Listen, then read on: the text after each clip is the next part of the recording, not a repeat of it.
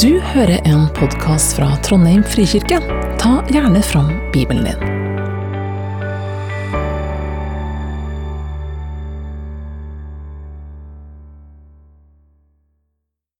Hei, godt å se dere. Hvis vi ikke har hilst før, så heter jeg Lise Sagdal. Jeg glemte navnelappen av alle ting. Sist søndag så talte Helge om eh, det, om det første kapitlet i Bergpreken, altså fra Matteus 5. Det vi kaller for saligprisningene. Og hvis du gikk glipp av den, og av innledninga som Ingebrigt hadde to uker før, så anbefaler jeg at dere hører på podkasten. Den ligger på nettsida under 'Taler', men det enkleste er å abonnere på Frikirka sin podkast. Hvis dere trenger hjelp til det, så står det masse folk bak som kan sånt. Bare se om de er sånn ca. under 40. For å abonnere. Når du har abonnert, så kan du være så gammel som meg. Da går det fint. Eh, vi har også laga et studiehefte. det her. Hvis dere ikke har fått det, så ligger det et ute i gangen på bordet til hver enkelt kan brukes i gruppen og i personlige studier. Så da skal jeg fortsette der Helge slapp sist. Dagens tema er altså 'jordens salt og verdens lys'. Og Dette er jo veldig kjente ord fra Matteus. Så kjent at eh, jeg kjenner litt sånn at Kan vi ikke bare lese forbi? For der har vi sikkert hørt masse taler. Men ikke i dag. I dag skal vi stoppe, og vi skal tenke. Og jeg kommer til å utfordre dere, for jeg har utfordra meg sjøl. Så jeg er litt nervøs for hvor det her går. Så hvis dere tror at eh, nå er hun snart ferdig, nå er hun snart ferdig, nå er hun snart ferdig, så kan dere bare følge med på klokka. Jeg er ferdig kvart over tolv. ok? Og alt jeg skal si før det, håper jeg lander en plass som er nyttig for dere. Eh, sånn som det var for meg. Jeg skrev den her ferdig i går kveld, og jeg bruker aldri å være så sent ute. Så dere som tolker, har fått en ny versjon. Men dette er da et bilde fra Tunisia, der Odd Jørgen og jeg var på bryllupsreise en gang i forrige århundre. Dette er en rosa saltsjø. Rosa sa jeg for de som hører på podkast. Denne er mest kjent fordi at Star Wars ble spilt inn omtrent der. Men jeg, vi var der på bryllupsreise, og det var 40 grader, eller kanskje 45. Det var steiksol, og så ser du utover de her enorme rosa saltsjøene. Farger den lærte vi fort kommer av bakterier og alger som liker salt. Så fikk vi lov å bryte ser dere nede til venstre der, vi fikk lov å bryte av salt og smake på det. Og jeg hadde lært nok kjemi til at jeg tenkte at det her er utrolig fascinerende. Rosa salt. Når det utvinnes, så ser det sånn ut. Eh, visste du at salt faktisk tar farge av omgivelsene sine? Og hva det er blanda med? Dette da, har, har, da de her algene. Og salt er blitt big business. Hvis dere søker på salt på, på nettet, som jeg gjorde Jeg leste ufattelig mye om salt. Helge sa du trenger ikke ta med så mye om salt. Eh, men eh, jeg må fortelle dere litt om salt. da, fordi det, finnes i rosa, sort, hvitt, grått, rødt, transparent. Og jeg tok jo selvfølgelig med litt salt. da. Her eh, Vi har ikke så godt utvalg hjemme, men maldonsalt det er kjempegodt. Så det er veldig pent fordi det er sånne, sånne, brune krystaller. Dere ser jo ingenting av det, men dere kan jo se på veggen. Eh, det smaker veldig godt. Så hvis noen vil prøve det etterpå, så skal de få lov til det. Eh, men dette er jo det som kanskje alle har her står det 'A pinch of love', Joso. Fint salt med jod. A pinch of love. Det er egentlig en ganske fin reklame for salt. Det kommer dere til å tenke på etterpå. Tenker dere på dere sjøl som salt? Jeg håper dere gjør det etter denne talen. Eh, først må vi bare ta litt sånn bakgrunn. Hvem snakka Jesus til? Og Her er jo folk litt uenige, men jeg holder meg til Helge. For han sa at eh, Jesus talte til disiplene som satt i skråninga oppafor Galileasjøen. Og han talte ikke bare til de tolv, for de tolv dukker ikke opp før i kapittel 10.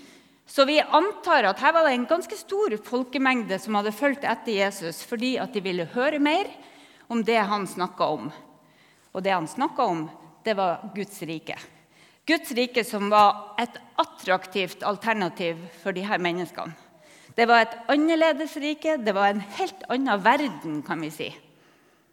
For han sa 'salig er de fattige', eller 'velsigna er de fattige'. Dette ligna ikke på noe av det de var vant til å høre. Salig er de sørgende, salig er de utstøtte, de ydmyke, de forfulgte. Og det var de som satt der. Det var de utstøtte, forfulgte, fattige. Og Jesus sier at 'velsigna er dere'. Så vi kan altså anta at Jesus snakker til folk som har lyst til å høre mer, og som har lyst til å følge etter ham. Altså de som vil være disipler. Men hva tenkte de her folkene når Jesus sa 'dere er verdens salt'? For vi tenker jo kanskje på sånn salt, men hva tenkte de på? Eh, det skal jeg fortelle dere litt hva jeg tror de tenkte, og hva folk tror de tenkte. Men først skal jeg si en ting som er veldig viktig.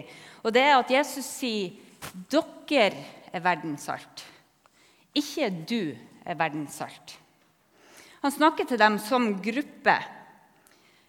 Dere er jordens salt, dere er verdens lys. Sammen er dere det. Ikke du, men dere. Det er ikke entall, men flertall. Og Det tror jeg er viktig, for han snakker til et fellesskap av mennesker. Gratulerer med dagen til Ava Louise. Når du ble døpt i dag, så ble du døpt inn i Guds rike, inn i menigheten. Du er ikke alene. Vi er sammen med deg, og Jesus er midt iblant oss. Dette er viktig å huske. Som var salt, ja. Hva tenkte de på? Og jeg har googla meg i hjel på salt. Det er skrevet så mye om salt. og Jeg skal ta de tre tingene som jeg tror at alle de som satt der, tenkte på når de hørte 'Dere er jordens salt'. Ikke alle de andre tingene. De kan dere google dere frem til. Det første er at salt var et konserveringsmiddel. I en verden uten kjøleskap, ingen fryseboks, så var det salting og speking av mat som var veien til å sørge for at du hadde mat hele året. Så De som hørte på Jesus, de så antagelig utover Galileasjøen, der de fiska, og så så de bort til byen Magdala, som var kjent for den beste spekefisken i regionen. Så det første og viktigste bruken av salt er at det konserverer. Det var livsviktig for å bevare mat, sånn at man hadde mat hele året. Så salt var verdifullt. Det var mangelvare. Det ble faktisk kalt for det hvite gull, fordi at man bytta salt og gull én til én. Tenk dere hvis dette var gull. Hæ? Sånn var det på den tida. Var, nei, salt var verdifullt. Og så kom jo ikke salt i sånne bokser som vi har. Dette er et bilde som viser sånn eh, utvinning av salt. Eh, noe ble utvunnet av innsjøer og sånn saltsjøer, som jeg viste dere i stad. Og noe ble utvunnet i gruver eh, med håndmakt. Dette er store saltblokker. Og I begge tilfeller var det godt blanda med andre mineraler og med sand. Altså, husk, dette var før dagens industrielle måte å gjøre det på. Så de her saltblokkene ble knust, og så ble saltet sikta og sortert.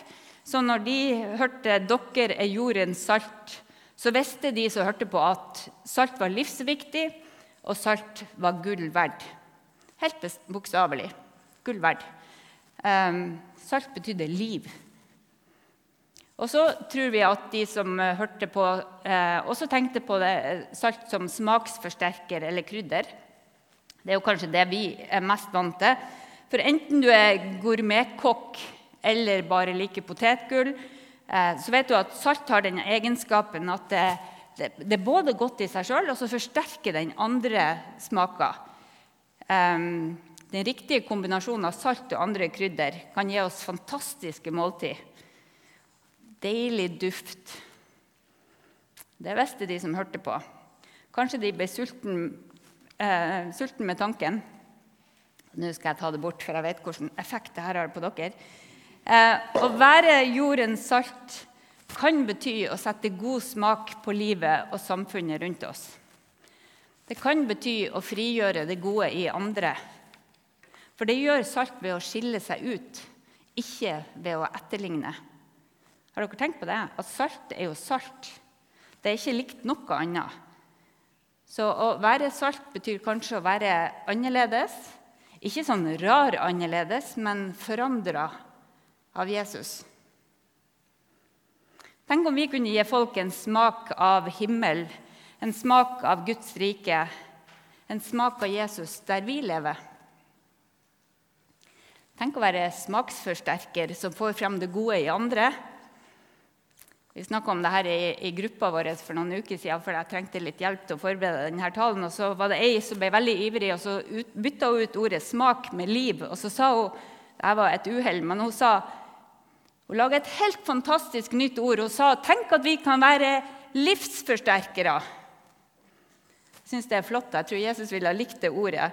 Ehm, for når vi lever sammen med Jesus, er hans kraft og hans kjærlighet tilgjengelig for oss, som vi sang i den sangen. Og vi kan definitivt være livsforsterkere. Så da har vi hørt at salt konserverer, og salt eh, setter smak og forsterker smak. Og så er det ett tredje bruksområde som eh, vi må se kjapt på for å skjønne meninga i resten av teksten om salt. For I Matteus 5,12 sier Jesus dere er jordens salt, men hvis saltet mister sin kraft, hvordan kan det da bli gjort til salt igjen? Det duger ikke lenger til noe, men kastes ut og tråkkes ned av menneskene. Salt som mister sin kraft, det kan jo ikke stemme. Dette det kommer til å smake salt om 50 år hvis jeg lar det stå i skapet. For dette er rent salt. Ren natriumklorid. Um, så hva er det Jesus snakker om? Jo, På den tida var jo salt alltid blanda med andre ting. Både smak og farge og hvor rent saltet var, eh, kunne variere eh, avhengig av hvor det kom ifra. Jeg leste faktisk om det norske saltet på 1800-tallet. Det ble ulovlig til å bruke til fisk, for det var for dårlig. Så hvis du besøker ei saltgruve i dag, så vil du få lov å se masse forskjellige salt, avhengig av hvor det er henta i gruva, og hvor grovt det er. Og så vil de kunne fortelle deg at jo, salt kan miste sin kraft, for det kan overmannes av de andre mineralene. Salt kan også vaskes ut, sånn at egentlig saltet renner ut, og så ser det ut som det er salt, men det er egentlig bare sand og andre mineraler igjen. Dere aner ikke hvor mye som er skrevet om akkurat det her, for folk lurer på liksom, tok Jesus feil. Nei, han tok ikke feil. Han snakka om salt sånn som de kjente salt. I Lukas 14, der denne historien også fortelles, så får vi en tilleggsopplysning. Der sier Jesus salt er en god ting, men hvis også saltet mister sin kraft, hvordan kan det da bli salt igjen? Det kan ikke brukes verken i jord eller gjødsel. Det er bare å kaste. Det kan ikke brukes i verken jord eller gjødsel. Så salt ble faktisk brukt direkte som gjødsel måtte sjekke med pappa, som sånn, eh, har utdanning innen landbruk. og Han sa at det er veldig få planter i Norge som trenger salt, men på den tida, i det klimaet, så må du ha akkurat passelig salt, sånn at plantene også der trives. Så dere er jordens salt, sier Jesus. Dere skal stimulere til vekst, kanskje, sånn som gjødsel gjør. Dere kan bidra til at Guds rike vokser og brer seg utover i all sin skjønnhet. Kanskje han mente at vi skulle få folk til å blomstre. Så hva kan vi ta med oss, vi som sitter her i Trondheim frikirke? Ehm, jeg tenker at Dette utfordrer oss i hvert fall til å leve i kontakt med mennesker og samfunn. For salt må berøre for å virke. Så vi får innflytelse der vi har kontakt. Og dere vet jo at Det har jo ingen hensikt å sette saltet her borte hvis du skal spise. Men det virker kun når du får det, når du får det i kontakt med maten. Salt virker ikke i saltbørsa. Nå skal jeg gjøre noe som jeg aldri ville ha tenkt at jeg skulle gjøre. Men salt virker ikke inni her. Det virker når vi strør det ut, fortrinnsvis ikke på gulvet. Um, så det må ut, det må berøre, det må strøs utover, sånn at det påvirker samfunnet og stadig nye mennesker, stadig nye plasser og Har du tenkt på det at salt trenger faktisk ikke å gjøre noe? Det skal bare være. Salt er salt. Det må bare være i kontakt, og det må ikke overmannes av det som er rundt. og så må det ikke vaskes ut. Så når Jesus sier 'dere er jordens salt', så sier han ikke 'dere skal være jordens salt'. Han sier 'dere er jordens salt'. Og Husk den gjengen som satt der. Det var de som var jordens salt. Så Hvis vi skal, er i tvil om hva dette betyr, så skal vi se kjapt på det neste bildet som Jesus har. Han sier 'dere er verdens lys'. En by som ligger på et fjell, kan ikke skjules. Heller ikke tenner man ei oljelampe og setter den under et kar. Nei, man setter på en holder så det lyser for alle i huset. Det er jo klare ord, og de som hørte, de så sikkert på hverandre. Og så sier de jo sånn, Selvfølgelig må du sette det sånn at det lyser. Kanskje de flirte litt når Jesus sa du skal ikke sette det under et kar, for de visste at setter du det under et kar, så slukner det. Du må ha oksygen til lyset. Jeg husker da strømmen gikk da jeg var lita jente. Altså Jeg var født opp, opp, i nord, der det virkelig var bekmørkt om vinteren. Og når strømmen gikk, så ble det stupmørkt. Og så tok det to-tre minutter før mamma klarte å navigere seg til å finne fyrstikkene og lysene.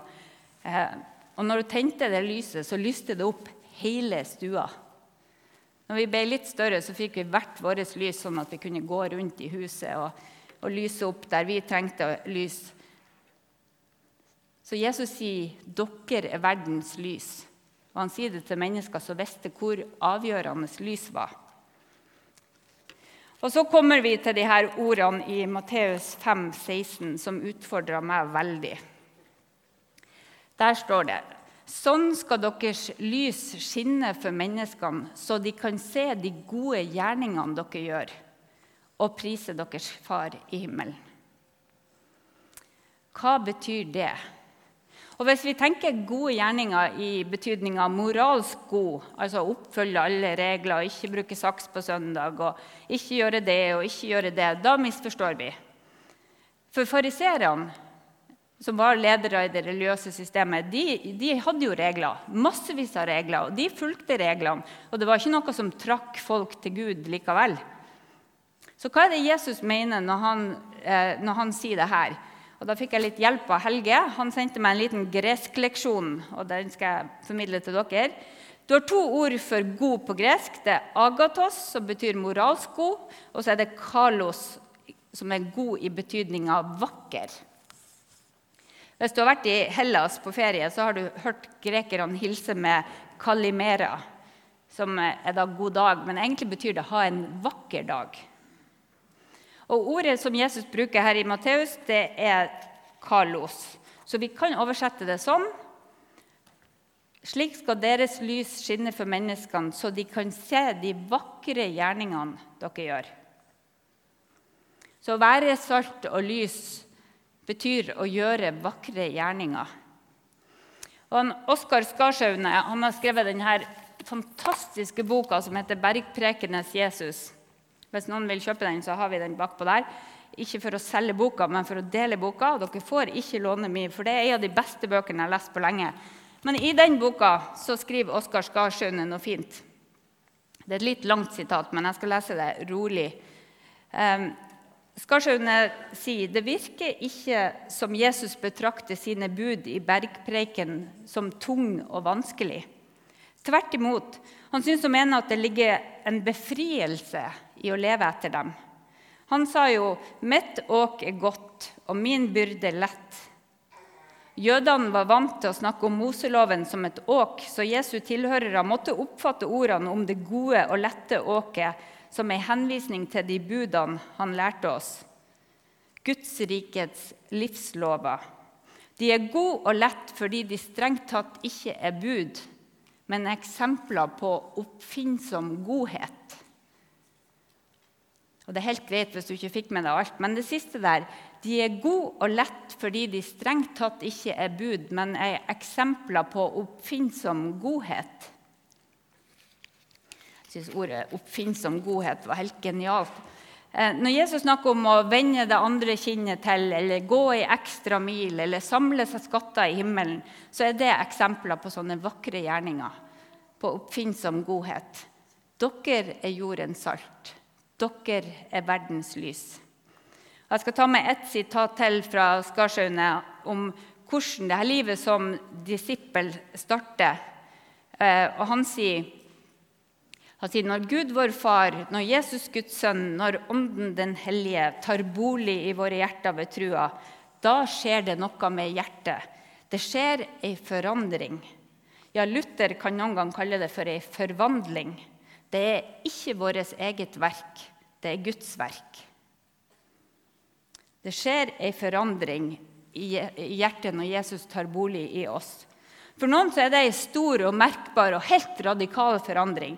Og For andre er det sånn at Jesus forandrer hjertet over litt tid, og så kan du se tilbake og så ser du at her har det skjedd noe. Det er starten på livet som disippel, eller som lærling av Jesus, som egentlig er et mye bedre ord, for han er mesteren, og vi er lærlingene. Og Det Jesus vil lære bort, for en mester har alltid noe å lære bort, det er hvordan vi skal leve. Han skal lære oss å bli mer og mer lik de menneskene som Gud hadde tenkt vi skulle være. Mennesker som helt naturlig og spontant gjør vakre gjerninger uten å skulle ha noe tilbake. For sånt gjør inntrykk. sant? Kanskje noen stiller spørsmål med hvorfor gjør de det, og så begynner de å spørre om hva som ligger bak. Kanskje trekkes de mot Gud. Han, Skarsjøene sier det og veldig fint i boka. Han sier at det fine og trøsterike med ordet lærling er at det ikke betyr å være utlært, ikke betyr å ha bestått noen eksamen. Det betyr å være underveis. Det betyr å stadig lære nye ting. Ja, det betyr å stadig bli bedre i ting vi har begynt å mestre. Å være lærling betyr å bli stadig bedre i ting vi har begynt å mestre. Vi er ikke utlært, men vi kan få lov å lære og øve og lære og praktisere. Dette er livslang læring.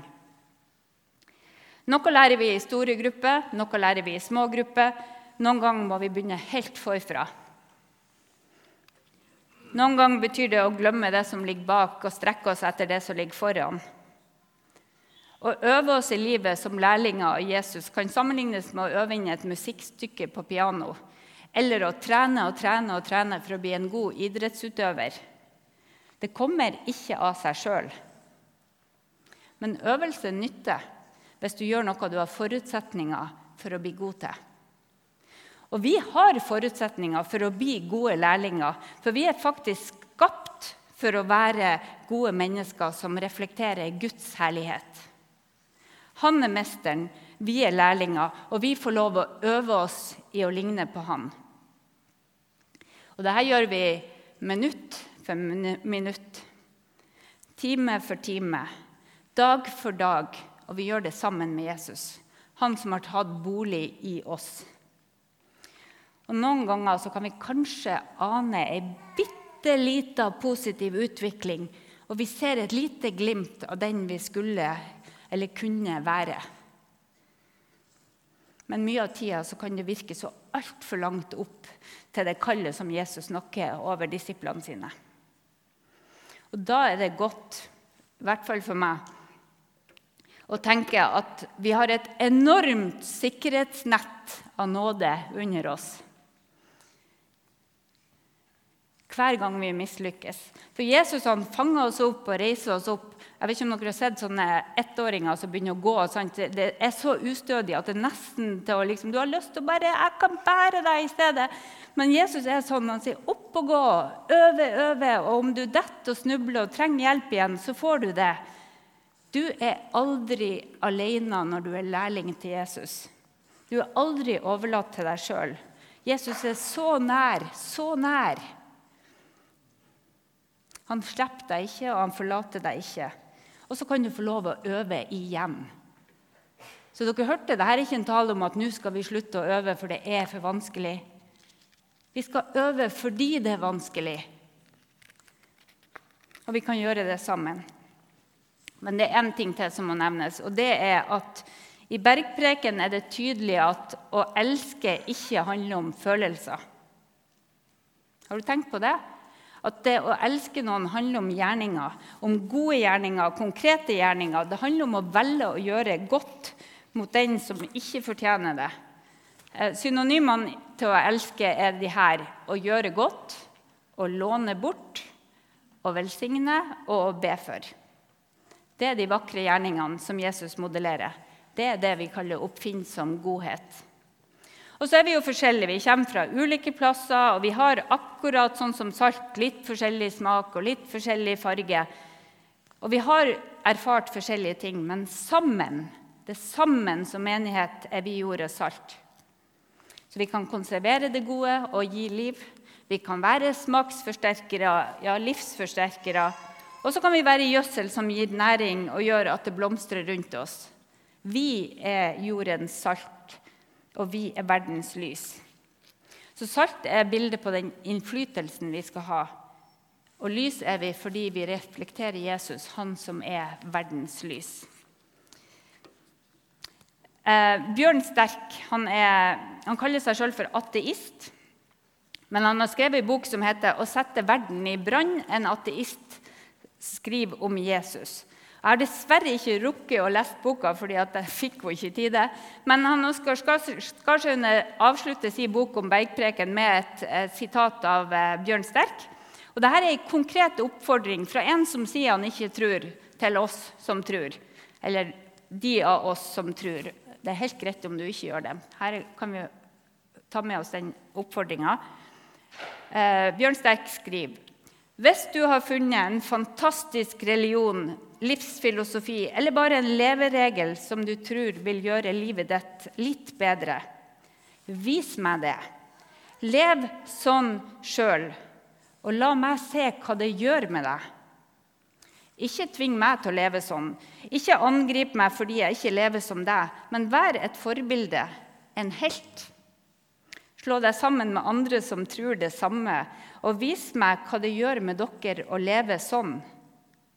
Syns du verden er råtten? Bygg en sone av godhet rundt deg som andre vil ønske å leve i. Bygg en sone av godhet rundt deg som andre vil ønske å leve i. La folk få se hva det gjør med deg å følge Jesus. Ikke skjul lyset ditt, men la det lyse for alle i livet ditt. Og Så sier Bjørn Sterk en ting til litt lenger ned i teksten. Han sier Se på deg sjøl som en vandrende demonstrasjon av hva det kan gjøre med et menneske å ha Gud i livet sitt.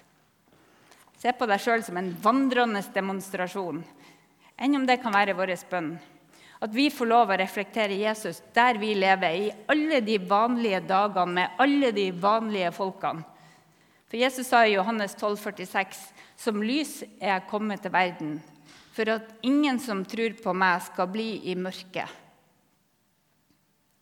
Det å reflektere Jesus handler dypest sett om å gi Jesus videre. Om å gi Jesus videre. For jeg tror virkelig at alle mennesker ville ha det bedre med Jesus i livet sitt. Jeg har tenkt mye på det. Jeg tror faktisk at alle mennesker vil ha det bedre med Jesus i livet sitt. Og så har jeg lyst til å leve sånn at folk blir nysgjerrig på denne Jesus som jeg kjenner og Jeg tror kanskje ikke det holder å gjøre det helt uten ord. Noen ganger må vi sette ord på det vi tror på. Men måten du lever på, sier så mye om hvem du tror på. Tenk om vi kan være en vandrende demonstrasjon av hva det kan gjøre med et menneske å ha livet, Jesus i livet vårt. Så det å gi Jesus videre er kjempeviktig. Det er det oppdraget vi har som kirke og som disipler. For dere er jordens salt. Dere er verdens lys, sa Jesus. Jeg ber om at det må være sant for oss, sånn at flere kan få lov å se Jesus og få hjertene sine forandra. Han som kan gjøre uendelig mye mer enn vi ber om og forstår. Amen. Takk for at du hørte på. Velkommen til gudstjeneste søndager klokka 11. Mer informasjon finner du på trondheim.frikirke.no.